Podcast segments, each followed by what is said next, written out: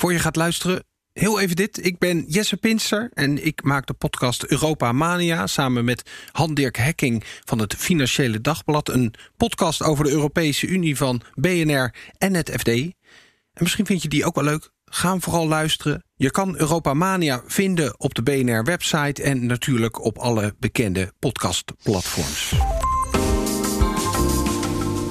De maatregelen die hier en elders worden getroffen zijn ongekend voor landen in vredestijd. Het wordt echt wel uh, stoelriemen vast de komende periode. Van harte welkom bij Ongekend in Vredestijd, de wekelijkse podcast over de economische gevolgen van de coronacrisis van het FD en BNR. Ja, nuchter en feitelijk ouwe hoeren, zo noemt in elk geval onze trouwe luisteraar Pepijn Nachtzaam deze podcast. Ja, dus waar gaan we dan vandaag uh, nuchter en feitelijk over ouwe hoeren? Nou, ik denk over schulden en tekorten. Ik ben Matthijs Bouwman. En ik ben Daan Ballegeer. Ja, we gaan het dus inderdaad hebben over schulden, de opmerkelijke medicijnen voor deze crisis. Ja, en Hoekstra, hè, onze minister van Financiën, die had het van deze week zelfs over het grootste tekort in vredestijd wat Nederland ging oplopen. Dus het grootste tekort in vredestijd, alsof hij onze podcast nog even extra in het zonnetje wilde zetten. Maar het is ook echt iets uitzonderlijk, want we lossen schuldenproblemen op met meer schulden. Kan je als bedrijf je schulden niet terugbetalen omdat door de coronacrisis een deel van je omzet is weggevallen? Geen probleem, je krijgt een nieuw krediet om het oude mee af te lossen en, soms met dank aan de overheid die zich borg stelt. En, en wat als je door deze crisis zonder inkomen dreigt te vallen? Krijg je dan nog je hypotheek betaald? Opnieuw geen probleem. De overheid betaalt je loon door en gaat daarvoor zelf meer schulden aan. Dus zo zijn schulden de oplossing voor de crisis, net als de vorige keer natuurlijk, hè, in 2009 en ook tijdens de eurocrisis. Toen waren meer schulden waren de oplossing voor de schuldencrisis. Uh, ja, waar belanden die schulden? Uiteindelijk natuurlijk bij uh, de overheid. En in Nederland zijn de gevolgen daarvan uh, deze week bekendgemaakt. in een soort voorstudie voor de begroting voor volgend jaar, de, de voorjaarsnota die naar buiten lekte. Toen bleek dat het eh, begrotingstekort dit jaar 12% van ons bruto binnenlands product zal uh, bedragen. Ja, en dat betekent een extra uitgave van zo'n 100 miljard euro. Nou, het BBP in Nederland 850, 900 uh, miljard in die orde van grootte. En dat gaat dus om echt hele grote delen van wat wij jaarlijks uh, eigenlijk bij elkaar verdienen. Wat we nu in één keer er doorheen jagen. Ja, maar En de grote vraag is dan, ja, Hoe gaan we die schuld ooit terugbetalen? Ja, want minister van Financiën, Wopke Hoekstra, je vermeldde hem daarnet al, die pakte de voorbije jaren te pas en te onpas uit met uh, dat goede huisvader-imago, waarbij heel veel wordt gespaard en opzij gezet. Die Nederlandse staatsschuld was flink gezakt richting de 50 procent. Nu komt er inderdaad een lab bij, 100 miljard, dat klinkt heel veel. Maar ja, is, het, is het eigenlijk wel problematisch? Of ja, wordt het problematisch? Nou, als je naar de harde cijfers kijkt, dan klopt het inderdaad dat, uh, dat Nederland had natuurlijk behoorlijk afgelost op zijn, uh, op zijn staatsschuld. Of in elk geval de staatsschuld zien afnemen. Um, afgelopen jaren met die harde bezuinigingen, maar vooral dankzij die hele redelijke gestage groei van de afgelopen jaren. Dat was allemaal onder controle. Dus nu zegt iedereen, we kunnen het ook wel leiden. Hè? We kunnen wat meer uitgeven. Maar toch even gewoon de harde cijfers. Die 12% van het bruto binnenlands product. Wat we misschien als tekort hebben in 2020. Uh, volgens de huidige prognose in elk geval. In maart nog maar, hè, dat is een maandje geleden, uh, zei het Centraal Planbureau dat we voor 2020 waarschijnlijk een overschot zouden krijgen van meer dan 1%. En nu gaan we in één keer door naar zo'n beetje 12% tekort. Dus dat is een verandering van ja, 13% BBP. Nou, uh, niet iedereen vindt bij procenten meteen, uh, het krijgt meteen heftige gevoelens, maar uh, economen wel. En plotseling van een plus van, van, van 1 naar een min van 12 procent uh, dat is echt enorm. En ook als je het historisch bekijkt, is dat echt heel erg veel. In 2009, hè, het jaar van de kredietcrisis, toen banken gered werden en, uh, en vooral de economie instortte. En ook Wouter Bos, de toenmalige minister van Financiën, besloot om de economie een opkontje te geven en even flink te gaan stimuleren. Toen hadden we een tekort, van zo'n 5, 6 procent. Ja, en, en nu gaan we in één keer naar het dubbele. Het allergrootste tekort wat ik kan vinden in de, in de, in de analen van, van de afgelopen 50 jaar. Dat is ongeveer een tekort van 10%. Zo begin jaren 80, toen we ook in een recessie zaten en uit de nogal spendriftige, of laat ik beter zeggen, uitgavendriftige jaren van, uh, van, van, van uh, Den Uyl kwamen. Toen hadden we 10%. Hebben we nou, decennia over gedaan om bovenop te komen. En nu in één keer naar 12%. Dus ik vind het wel heel heftig.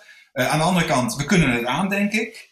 en je kunt ook over nadenken van wat je nou moet doen om dat weer te absorberen. Hè? De schuld loopt op, de staatsschuld loopt op vanwege die grote tekorten. En daar zijn volgens economen ja, zijn er gewoon maar een paar dingen die je kunt doen om dat weer goed te krijgen. Uh, simpelste is natuurlijk uh, meer inkomsten genereren, dus belastingen verhogen. Ja, heel populair, altijd populair. Nee, ja, dat snap ik. Dat, uh, dat, alleen het gebeurt natuurlijk wel bijna altijd. Zeker in Nederland gaan de lasten vaak omhoog als er, als er weer ja, als de tekorten te hoog zijn. Dat zijn we ook uit de tekorten van 2009 gekomen. Je kunt ook snijden in de uitgaven. Dat doen we in Nederland ook graag. Maar per saldo levert dat nooit zo heel veel op. Je kunt natuurlijk ook, en dat hebben we de laatste jaren gedaan, behoorlijke economische groeien. En als je meer groeit, ja, dan blijft de staatsschuld wel gelijk. Maar als ja, percentage van je economie uh, neemt dat toch wel wat af. En de meest populaire, historisch gezien, manier om van je schulden af te komen. Nederland heeft er dan nooit echt, echt uh, schulden aan gemaakt. Maar de, de, meest populaire manier is natuurlijk gewoon je schulden niet terugbetalen. Gewoon een schuldsanering eroverheen laten gaan. Maar dat zijn een beetje de opties. Meer inkomsten, minder uitgaven, flink groeien of gewoon niet terugbetalen. En er zijn ook nog economen die zeggen van laat allemaal maar, uh, laat die schuld nou maar gewoon oplopen. Maak je daar nu even geen zorgen om. En ik hoorde deze week uh, Bas Jacobs, hoogleraar Public Finance bij RTL Z, daar wat over zeggen. Ik denk dat de huidige staatsschuld misschien zelfs wel wat te laag is. En dat het misschien niet zo erg is dat de staatsschuld oploopt. En dat heeft te maken met de situatie van voor de crisis. Dat we in de wereld heel veel spaargeld hebben weinig investeringen. En daardoor zijn die rentes extreem laag. En de overheid krijgt nu rente toe op de staatsleningen. Dus als we meer schuld hebben, hebben we meer overheidsinkomsten. Nou ja, oké, dat, dat is Bas. Hè? Daan, ik krijg van jou vragen van wat je daar nou eigenlijk van vindt. Want Bas zegt van die staatsschuld is helemaal niet, geen probleem. Die tekorten zijn geen probleem, want de rente is negatief. Ja, het leunt denk ik een beetje aan bij die theorie van uh, Larry Summers van seculiere stagnatie, wat ik een afschuwelijke uitdrukking vind, maar die er in de uh, theorie eigenlijk op neerkomt dat de oplossing voor hogere economische groei niet bij monetair beleid ligt, want dat is volgens Summers niet in staat om tot volledige werkgelegenheid te komen en de economie aan te zwengelen, maar wel dat het van budgetair beleid moet komen. en dan kan de overheid natuurlijk extra leningen aangaan en daarmee bijvoorbeeld massaal investeren in infrastructuurprojecten, in open werken. Iets wat uh, vorig jaar trouwens uh, een pleidooi was dat onder meer ook uh, Bas Jacobs onderschreef. Namelijk dat de overheid een investeringsfonds zou opzetten om daarmee ja, belangrijke werken uit te voeren die ook latere generaties ten goede zouden komen. En ja, als we door deze crisis misschien een hogere werkloosheid krijgen, of dat de, de, de bouwactiviteit terugvalt, dan zou daar wel iets voor te vertellen kunnen zijn. Zoals we het nu besteden, is natuurlijk niet aan investeringen die 12 miljard die is uh, opgebouwd uit nou ja, alle tegemoetkomingen aan, uh, aan, aan bedrijven die eventjes in de problemen komen. Uh, aan werkgelegenheidsprojecten, hè, die NOW-regeling. Het, het, gaat naar ZZP'ers die bijstand kunnen aanvragen. Nou, dat is allemaal niet geld wat zich automatisch terugverdient. Dus als je het zo bekijkt, is die 12% begrotingstekort ja, voldoet niet echt aan die, aan die, aan die regels van uh, je mag het pas lenen als je het ook kunt terugverdienen. Nee, maar we zijn natuurlijk nu ook in een heel uitzonderlijke periode beland als dit jaren zou blijven waarin de overheid zo uh, massaal ingrijpt in de uh, loonkosten van bedrijven door ja, die over te nemen van die bedrijven en die zelf te betalen, dan is het natuurlijk geen houdbaar uh, houdbare strategie. Tegelijkertijd ben ik het niet helemaal eens met jouw analyse dat dit geen soort van investering is. Uiteindelijk uh, maak je met die NOW-regeling dat mensen die in een bedrijf uh, talenten hebben, kwaliteiten hebben, daar dingen in voortbrengen en die in, in een normale economische tijd daar perfect geld mee kunnen verdienen voor een werkgever, dat die daar aan de slag kunnen blijven. Het is niet dat die opeens een skillset hebben opgebouwd waar ze straks niks meer mee zijn, want het bedrijf niet meer bestaat. Ja, ja dat, dat ben ik mee eens. Op korte termijn klopt dat wel, denk ik. Ik, ik denk nog wel even aan die, aan die theorie van uh, secular stagnation, waar je net naar verwees. En waar inderdaad volgens mij pas ook impliciet naar verwijst. Hè, van op het moment dat we in een situatie zitten van negatieve rente op de staatsschuld, trage economische groei, een beetje een Japan scenario eigenlijk, waar, uh, waar misschien ook Europa wel wat in terecht was gekomen. Ja, dan heb je eigenlijk een soort impuls van buiten nodig. Of dat nou is plotseling de overheid met een heel groot project. Of misschien wel zoiets, om het heel cynisch te zeggen, als een, uh, als een pandemie. Om een keertje vol op het orgel te kunnen als overheid. En die hele boel weer op te, op te, op te vijzelen, zodat ja, er weer wat, wat, wat positieve rentes ontstaan, een hoge staatsschuld. In die zin, hè, als je het zo nadenkt, is voor, voor die theorie van Larry Summers, is deze uh, crisis de, de schok niet waarop ze gewacht hebben, maar die ze kunnen gebruiken. Maar toch heb ik niet de indruk dat dat de theorie is die onze minister van Financiën aanhangt.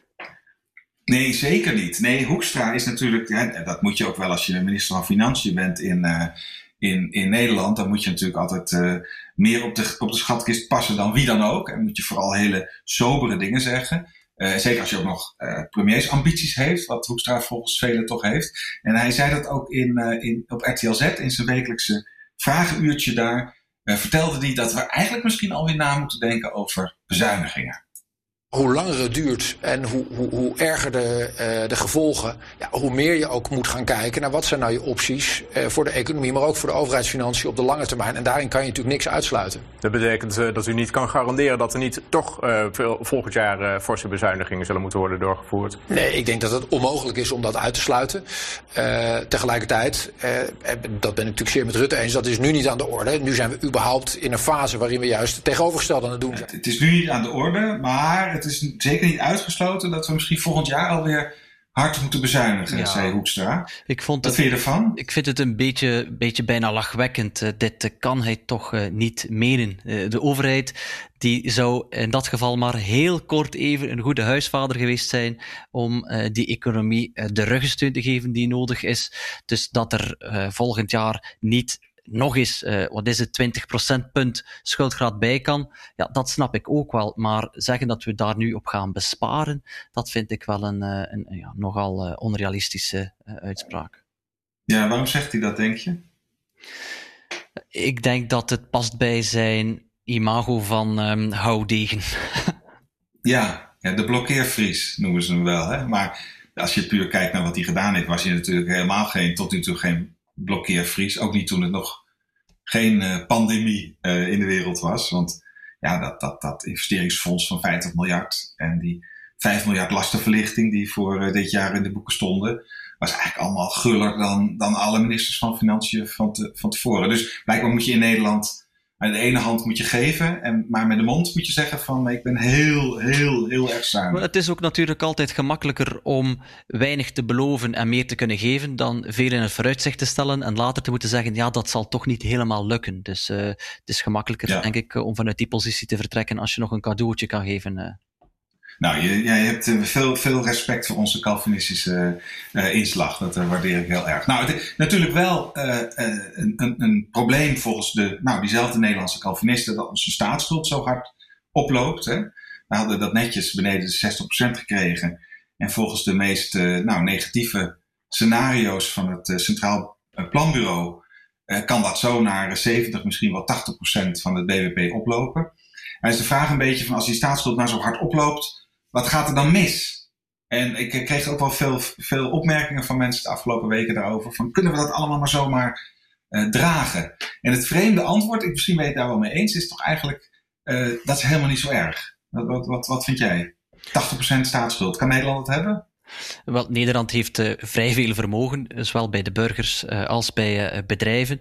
En tegelijkertijd moet je ook kijken naar de plaats waar die schulden zijn terechtgekomen. En dan zie je dat die toch bij institutionele spelers, zoals pensioenfondsen, zijn beland. en ja, wij zijn met andere woorden de eigen aandeelhouder, of de, de aandeelhouder is het juist woord, maar de eigen financierder van, van onze overheid. Dus uh, in die zin is het ook niet alsof het geld zomaar naar het buitenland stroomt, omdat ze daar ons, ons financieren. Nee, dus, dus je kunt zeggen als je van jezelf leent, dat doet Nederland per saldo natuurlijk, want we zijn nog altijd een, per saldo een investeerder in het buitenland, eerder dan in onszelf. Maar dus we lenen zo'n beetje van onszelf. Dan kunnen we dat lang volhouden, is dat het idee? Wel, je moet toch vooral kijken naar de verdiencapaciteit van een economie. En als je Nederland bekijkt, zie je een land dat heel veel goede uh, mensen heeft die goed opgeleid zijn, een uitstekende infrastructuur. Dus alles waar we later die schuld mee moeten terugbetalen, is aanwezig. Uh, als die schuld richting 200% gaat, dan is dat natuurlijk een ander verhaal. Maar een schuldgraad van 80 of 90% is voor Nederland absoluut geen probleem om terug te betalen. Het is natuurlijk wel de vraag, hoe lang ga je die schuld verder laten oplopen? En in tijden van crisis springt die overheid in de bres trekt ze de portefeuille en zorgt ze ervoor dat uh, er geen grote rampen gebeuren. Maar als het straks natuurlijk ja, weer beter gaat of als deze crisis heel lang blijft duren, zullen de uitgaven die nu gebudgeteerd zijn niet zomaar kunnen gekopieerd worden jaar na jaar na jaar, want dan budgeteer je misschien toch het faillissement in. Ja, dus moet misschien één of twee jaar kunnen we die die, die, daar kan de overheid de crisis opvangen, maar daarna moeten we toch weer uh, terug naar normaal. Ik heb nog een ander probleem met die, toch nog een probleem met die opbouw van de schuld. En dat is niet zozeer de schuld zelf, maar het feit dat het nu lijkt alsof overal geld voor is. Dus niet zozeer de schuld is het probleem, denk ik, maar het idee dat we nu eigenlijk, ja, met de miljarden die eruit vliegen de afgelopen weken, bijna elk projectje wel zouden kunnen financieren. En ik pak even een citaat bij van uh, de bekende Milton Friedman de, de, nou, zeg maar de, de, de ras Havik eh, uit Amerika. Eh, die zet eh, op een gegeven moment in de jaren tachtig een Amerikaans congreslid een beetje in de hoek. Dat congreslid zegt van, zegt de schuld loopt op, dat vindt u toch ook heel erg? En dan, het is een kort citaat, zegt Milton Friedman dit. I do not believe that the real problem, is, I don't agree with you at all. Because the real problem is not the debt but government spending. Ja, dit is mooi als, een, als Milton Friedman tegen iemand zegt: I don't agree with you at all. Dan ben je wel de rest, voor je, de rest van je leven ben je dan maar waarom ben je wel uitgepraat. Matthijs, waarom ben je zo gecharmeerd door die uitspraak? Nou, omdat uh, ik denk inderdaad dat staatsschuld niet het probleem is. Dat kan ook uiteindelijk door de centrale bank worden opgelost nog. Hè, daar gaan we het straks over hebben. Maar vooral het probleem dat, uh, is dat als politici denken dat de schatkist oneindig is. En dat we echt aan overal geld, geld aan uit kunnen geven. Je ziet dat een klein beetje op dit moment. Nog deze week in het parlement, in het Nederlands parlement, ging het opeens over studenten die hun, hun, hun bijbaantje kwijt zijn. Die krijgen dus ja, een paar honderd euro per maand krijgen ze minder binnen, want die kunnen niet meer in het restaurant werken of in de bioscoop. En ja, er wordt automatisch van uitgegaan dan in het parlement, in het Nederlandse Tweede Kamer, dat daar ook wel weer een noodfonds voor te verzinnen valt. En dat komt natuurlijk omdat er de laatste tijd met tientallen miljarden wordt gesmeten. En dan ontstaat toch het idee bij, bij denk ik, bij uh, politici dat het gewoon niet op kan. En die uitgaven die je dan doet, en je zei het eigenlijk net zelf al, die moeten eigenlijk elke keer toch door hetzelfde uh, matrijsje van kan dit wel? Is dit wel zinvol? Moeten we dit wel uitgeven? Houden we dit meerdere jaren vol? Is het wel een investering? En ik krijg het idee, en daarom vind ik dus niet zozeer de schuld het probleem, maar wel de hoge uitgaven dat ja, de ban gebroken is in, uh, in politiek Den Haag uh, deze weken. En dat nu gewoon, ja, uh, zoals Oprah Winfrey zei, jij krijgt een auto, jij krijgt een auto en jij krijgt ook een auto. Maar Voor je, iedereen is Je doet het klinken als er een, alsof er een soort collectieve zinsverbijstering plaatsgrijpt in Den Haag. Nou, dat, misschien ben ik daar nog vroeg mee dan. Dan loop ik een beetje voor de curve uit. Maar als we eenmaal 100 miljard aan, aan noodsteun voor bedrijven hebben uitgegeven ja, leg dan nog maar eens een keer uit dat je niet 10 miljoen kunt uitgeven aan een theatergezelschap. Of uh, eh, 5 miljoen aan een uh, blijf, van mijn huis, uh, blijf van mijn lijfhuis. Of iets anders wat heel zinvol klinkt. Dus dan, ja, hoe krijg je nou weer dat, dat, dat, die, die, dat monster weer terug in zijn hok? en en, en gaan, gaan politici weer gewoon keurig nadenken over kostenbaten als het over de, over de uitgaven gaat. Ik denk dat dat toch het moeilijkste wordt. Well, het klinken bijna luxe problemen voor uh, landen die daartoe in staat zijn, want uh, heel veel andere Europese landen hebben het een stuk moeilijker met die uh, overheidsschuld, omdat die veel hoger ligt. En daardoor krijgen ze het ook lastiger om die terug te betalen. Maar ja, daar zijn er wel verschillende andere maatregelen waar Nederland ook van profiteert, maar waar we het hier in Nederland zelf veel minder over hebben, maar wat zeer populair is in die andere landen. Dat is, dat is natuurlijk een, soort sluikse uh, manier om die schuld betaalbaar te houden. En dat is de rente drukken. Dat is eigenlijk wat de Europese Centrale Bank uh, doet. Ja, dan hebben we het dus over eigenlijk de, de, de, de, volgende manier om je staatsschuld te verminderen, of je begrotingstekort te verminderen. Niet uh, belasting verhogen, niet uitgaven verminderen, niet gewoon terug, niet terugbetalen, geen economische groei, maar de centrale bank met zijn ja, oneindige geldpers. Ja. Dat bedoel je toch? Ja, misschien toch even uitleggen hoe dat precies werkt. Dus overheden geven schulden uit, banken kopen die en verkopen daarvan, daarvan vervolgens een deel aan de centrale bank. En op die manier zorgt de Europese centrale bank ervoor dat rentetarieven op die overheidsobligaties laag blijven. Wat voordelig is voor belastingsbetalers, eh, zou je zeggen. Dat klinkt toch als een mooie deal. Maar, maar toch zijn er een paar addertjes onder het gras. Uh, met dat beleid houdt de centrale bank ook de rente laag op staatsobligaties die in private handen blijven, bijvoorbeeld pensioenfondsen. Als die rente daarop lager is dan de inflatie, dan is dat heel goed nieuws voor de overheid, maar het is wel slecht nieuws voor de houders van die obligaties die aan koopkracht verliezen. Ja, maar waarom uh, zou je dan vragen, zouden beleggers die obligaties houden of, uh, of te koer kopen? Wel, omdat ze daar vaak wettelijk toe verplicht zijn. Pensioenfondsen, banken, verzekeraars, die hebben allemaal redenen om die staatsobligaties toch aan te houden. En een andere manier waarop een centrale bank overheden kan helpen, is een deel van de schulden gewoon kwijt te schelden. En het gat dat ontstaat op, uh, op zijn balans gewoon aanvullen met vers gedrukt geld. Dat uh, is uh, zuivere monetaire financiering. En dat, is dat de, doet de ECB niet, toch? En, in principe? Nee. Dat doen wij niet, toch? Dat is uh, strikt verboden volgens het Europees Verdrag, dus dat mag de ECB niet doen. Maar toch is er een soort light vorm van deze monetaire financiering, want het zijn de nationale centrale banken die de bulk van de staatsobligaties van hun land opkopen. In Italië bijvoorbeeld is ongeveer een derde, sorry, een vijfde van de Italiaanse overheidsschuld in handen van de Banca d'Italia. En de rente die Italië erop betaalt, die komt dus bij de Banca d'Italia terecht en die keert het vervolgens gewoon uit als dividend aan de Italiaanse overheid. En dan heb je eigenlijk een soort uh, vestzak-broekzak operatie. Perpetuum mobile bijna. ja. ja. Oké, dus even, even, even, even recapituleren voordat je verder gaat. De, de, centrale bank, en dat doen, we, dat doen we in Europa nu, koopt staatsschuld op. Daarmee maakt ze de, houdt ze de rente laag. Dus dat betekent dat overheden ja, minder pijn lijden, minder begrotingspijn lijden van, uh, van, van hun, uh, hun hoge staatsschuld. Maar ik zou nog een stap verder kunnen gaan. En dat, doet, dat doen we blijkbaar stiekem al een klein beetje. En dat is in feite zeggen, uh, we, we, schelden hem kwijt. Of in elk geval, we geven je de rentebetaling gewoon lineair terug. Dat is wat je zegt, toch? Ja, maar dat is dus binnen uh, de eurozone verboden. Dus ja. het moet op een andere manier gebeuren, die afbouw van die staatsschuld, als je dat toch een beetje wil laten vooruitgaan. En dan hebben we het eigenlijk over, over inflatie. Nu, uh, Matthijs, zal jij ongetwijfeld uh, vertellen dat het gevaar op stijgende inflatie nu beperkt is. Hè, want ja. Uh, ja, door de instortende vraag naar diensten, producten, arbeid, zullen de prijzen eerder dalen dan stijgen.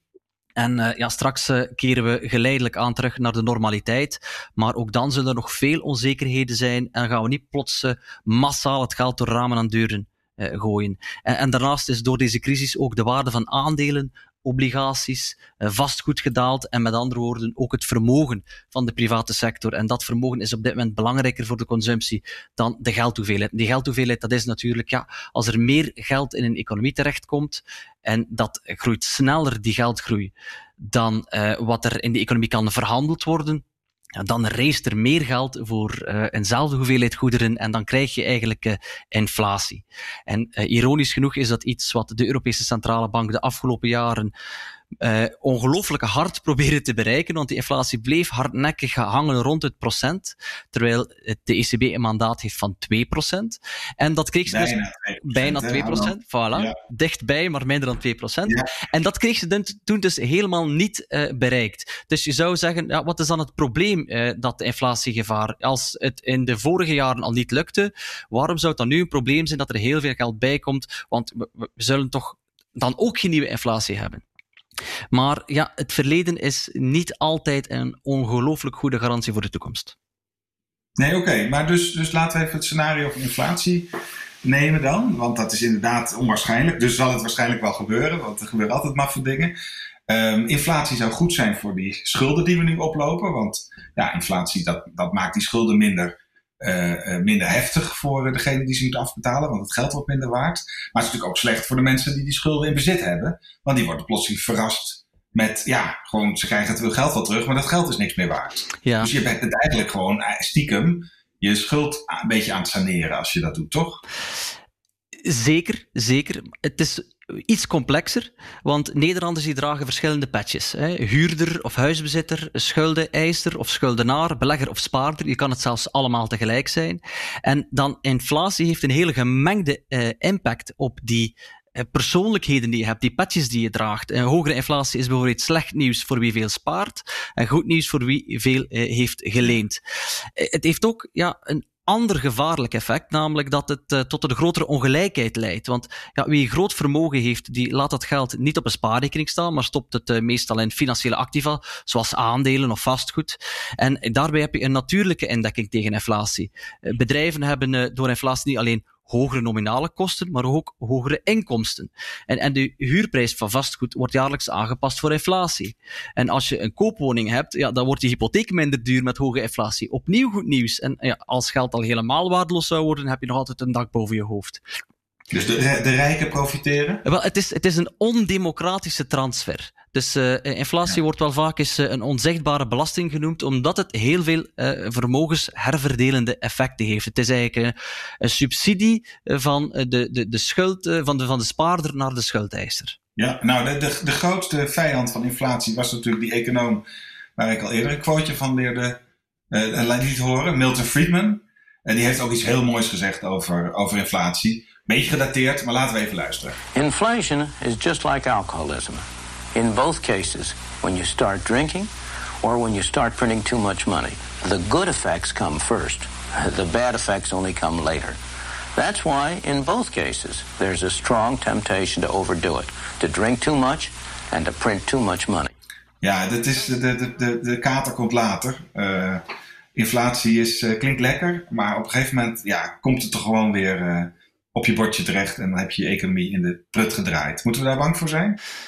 Ik denk dat we vooral bang moeten zijn van overmoed bij centrale bankiers en bij politici over hoe goed ze inflatie kunnen sturen. Want je kan wel zeggen, hey, heel fijn om even uh, een paar jaar uh, 5% inflatie te hebben. Dat uh, tikt lekker weg met die staatsschuld, dat erodeert heel mooi. Maar het is zoals de Duitse Bundesbankvoorzitter uit, van 1980 tot 1991, Karl Otto Peul, geweldige naam. Die man zei ooit, ja, inflatie is als tandpasta. Eenmaal uit de tube krijg je het er niet meer terug in. Dus kan je maar beter niet te hard op de tube duwen. Ja, kijk, ja, sorry maar als we nu als Duitsers gaan citeren over inflatiegevaar, terwijl we eigenlijk afgaan op een periode met ja, ongetwijfeld gewoon weer deflatie, misschien wel hè, dalende prijzen. Geen enkel probleem met inflatie. Nee, nee, nee Matthijs. Jij zegt, jij zegt we gaan ongetwijfeld af op, op, die, op die periode van deflatie en lagere prijzen. Ja. Ik ben het ermee eens als het over de korte periode gaat, als het over, ja. gaat over de komende maanden.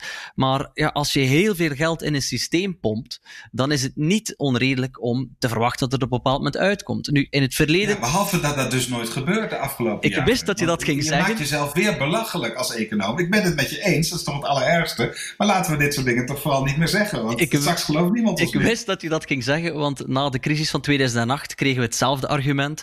Uh, uh, economen zullen dan denken aan de Fisher-vergelijking, een heel technisch iets waarvan uh, al helemaal niet meer zo duidelijk is of het werkelijk opgaat. Maar de essentie daarvan was dat als je heel veel uh, geldhoeveelheid toevoegt in een economie, dan moet zich dat vertalen in hogere prijzen. Dus toen in die crisis van 2008 de Amerikaanse centrale bank heel veel uh, obligaties ging opkopen en heel veel geld met uh, kwantitatieve versoepeling in die economie ging pompen, toen was de vrees, ja, maar er staat een golf van inflatie voor de deur. En mea culpa, ik heb dat destijds ook meermaals geschreven met het schaamrood op de wangen vandaag, moet ik dat zeggen. Want die, die, die geldhoeveelheid, ja, dat kwam toch niet terecht in de reële economie.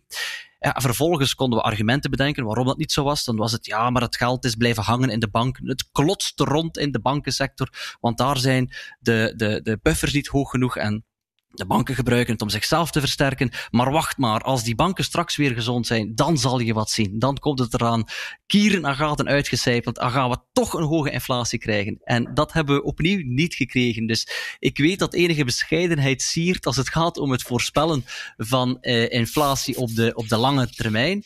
Uh, maar toch denk ik dat uh, die opmerking net indachtig, dat het wel degelijk een gevaar kan zijn. En ja. ja het is niet natuurlijk, het verleden is een slechte voorspeller van de toekomst, uh, op dit vlak misschien. Dus het zou gerust kunnen dat we ons misvatten of mispakken aan de zekerheid van, ah, 2008, zie je wel, zie je wel hè, die, die het zal nooit meer ja. gebeuren. Terwijl je nu zou kunnen zeggen, heel veel geld is rechtstreeks in de zakken van consumenten terechtgekomen. Als je kijkt naar de Verenigde Staten, waar elke gezin, wat was het, 1200 dollar eh, opeens kreeg.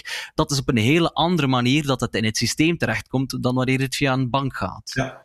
Nou, oké. Okay. Nou, dan ga, ik ga je eraan houden. Over een paar jaar uh, hebben we deze podcast nog en dan gaan we kijken hoe hoog de inflatie is. Karel Otto uh, Peul. Ja, precies. De staatsschulden lopen op. Uh, ik denk dat we daarmee moeten leren leven. Dat we dat niet uh, met inflatie weg kunnen poetsen. Dat gaat, ja, dat gaat toch alweer niet lukken. We moeten ook niet hard gaan bezuinigen nu. Nou, niet op, op, op korte of middellange termijn. We moeten ook niet natuurlijk onze staatsschuld maar uh, niet afbetalen. Hè, failliet gaan als land. Dat heeft ook geen zin. Dus ik denk gewoon wennen aan een staatsschuld die wat hoger ligt. En dan ben ik het tot mijn stomme verbazing dus eigenlijk helemaal eens met Bas Jacobs. Ja. Nou, dat is nog, dat is nog eens goed nieuws. En alsnog ja. een verrassende wending. Ja. Oké, okay, Daan, dan gaan we naar het hoogtepunt van onze podcast elke week. Uh, goede tijden, slechte tijden.